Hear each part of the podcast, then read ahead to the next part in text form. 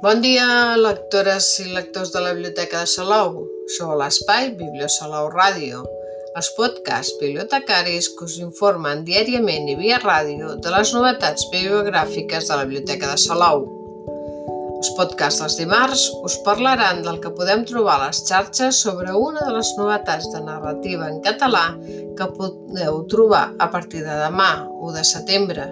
I avui, 31 d'agost, us presentem la novel·la Les quatre amigues, de Carmen Korn, publicada al març d'aquest any en català per Columna Edicions i traduïda de l'alemany per Cristina Sala Pujol i el castellà per Maria José Díez Pérez, editada per Planeta. A la ressenya de la contraportada hi podeu llegir. La Geni Unga celebra el seu aniversari té 70 anys. És tan antiga com el segle. A la festa, al seu costat, hi ha les seves amigues, la Kate, la Lina i l'Ida. Però el seu cercle íntim fa molt de temps que es va expandir. Les quatre amigues van ser mares i ara són àvies.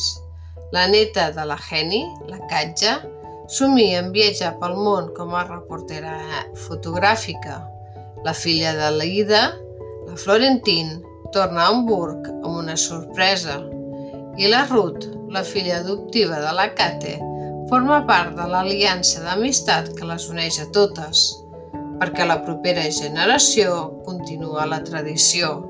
Comparteixen felicitat i patiment, els petits i els grans moments.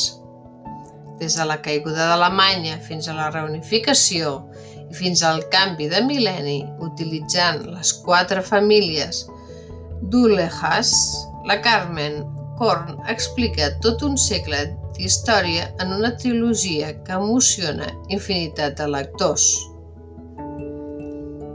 Encara que avui presentem Les quatre amigues, aquesta novel·la és el tercer volum de la trilogia Filles d'una nova era, el títol també de la primera, i Temps de dones, publicades el 2020. La trilogia recorre la història d'Europa, però principalment d'Alemanya durant el segle XX, que comença tot just acaba la Primera Guerra Mundial, en 1919, i acaba amb aquesta tercera entrega amb el canvi de mil·lenni, el desembre de 1999, i la narra des de la quotidianitat i la perspectiva femenina, a través de la fortalesa de quatre dones que protagonitzen la història. La jove Henny, de 19 anys, representa la classe obrera, que ha tingut moltes relacions sense l'aprovació de la família i que vol ser llevadora, com la seva millor amiga i veïna, Kate, la més rebel de totes, que representa els nous aires de canvi i de llibertat, comunista convençuda, enamorada d'un poeta i que ha avortat en secret. Dues dones més les acompanyen en aquest camí. Lida, filla d'un aristòcrata home de negocis que la vol casar amb un ricareu per tal d'evitar caure en bancarrota, i la Lina, jove mestra de família humil i òrfana que manté una relació amb una dona i el germà de la qual surt amb la Geni. Malgrat que totes són molt diferents, es fan inseparables. La ciutat d'Hamburg i els seus diferents escenaris, el port, el riu Elba o els diferents llacs artificials, també en resulta protagonista, ja que desenvolupa un paper fonamental en la vida de les protagonistes i es va transformant i evolucionant alhora que ho fan les quatre amigues, sobrevivint i reconstruint-se en un segle marcat per les dues guerres mundials.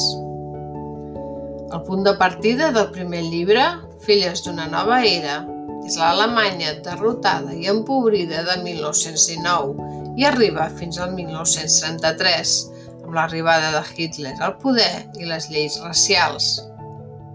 Al segon llibre, Temps de dones, l'autora desgrana la postguerra alemanya, des dels anys 50 fins a l'esperit optimista de la dècada de 1960. Aquest tercer volum de la trilogia arrenca amb els convulsos anys 70 i abraça tot de grans esdeveniments de l'època. la fractura de la nació en dos països i finalment la complexa reunificació després de la caiguda del mur de Berlín, la guerra del Vietnam, noves formes d'extremisme i del terrorisme d'extrema esquerra de les Brigades Roges, per exemple, però també hi trobem la normalització social de l'homosexualitat, la llibertat sexual de les dones o l'avortament com a avenços per sobre de velles intoleràncies.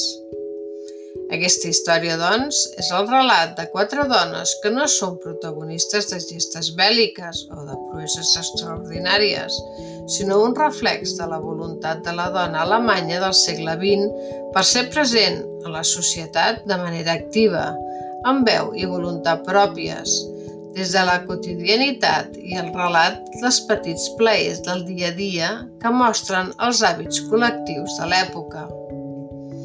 Es tracta d'una història d'amor, amistat i valentia sobre quatre generacions de dones al llarg del segle XX, a l'estil d'altres novel·les com La Villa de les Teles i la saga L'amiga genial de l'Helena Ferrante. A nivell argumental i respecte a la primera novel·la de la trilogia, hi ha el relleu de les protagonistes per les seves famílies i les noves generacions, ja que al llarg d'aquesta centúria algun d'aquells personatges primers arriben al final de la seva vida, cedint protagonisme a filles i netes, per arribar a un final de la novel·la i de la trilogia emotiu i intens, amb pèrdues inevitables i amb l'esperança posada en les noves generacions. L'estil literari és senzill i la lectura fàcil, amb molt de diàleg. Està ben explicada, amb una història interessant si us interessa la història del segle XX, amb un gran nombre de personatges que potser pot arribar a confondre. Per això, el llibre compta amb una llista dels personatges que componen les famílies de les quatre protagonistes. El llibre és de tapa dura amb sobrecoberta. Té 560 pàgines i 23 capítols, que s'anomenen amb les dates en què es divideix temporalment la història, des del març de 1970 el darrer capítol, desembre de 1999. L'estructura és igual en les tres novel·les, amb salts de diversos anys, però centrant-se en moments específics i a vegades en uns quants esdeveniments més seguits. I entre capítol i capítol poden passar diversos mesos i saltar d'any en any, d'any en any per avançar ràpid en la línia temporal històrica. Aquesta tercera novel·la compta amb resums, amb resums argumentals per facilitar la comprensió de la història i ajudar, i ajudar a situar els lectors que no han llegit els dos primers volums de la saga. Per això es pot llegir de manera autònoma, encara que és recomanable començar-ne la lectura pel primer llibre. Podeu trobar la trilogia completa en català a la nostra biblioteca i també en castellà a la xarxa de biblioteques públiques del Sistema de Lectura Pública de Catalunya. En digital trobareu a la Bíblia Catalunya el primer volum en castellà i el segon i el tercer en català. L'editorial ofereix la venda de la versió en format d'audiollibre, però només en la versió en castellà. I què en sabem de l'autora? Carmen Korn, nascuda el 1952 a Düsseldorf, és periodista de formació. Ha treballat en mitjans alemanys de prestigi, com a la revista Stern, Brigitte i Die Zeit, encara que es dedica principalment a la literatura. És autora de llibres infantils i principalment de novel·les policíaques.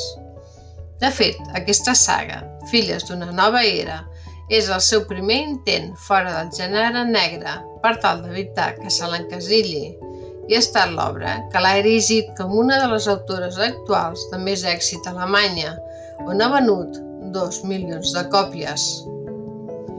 I fins aquí el podcast d'avui, però tenim més novetats de narrativa en català que anirem descobrint cada dimarts.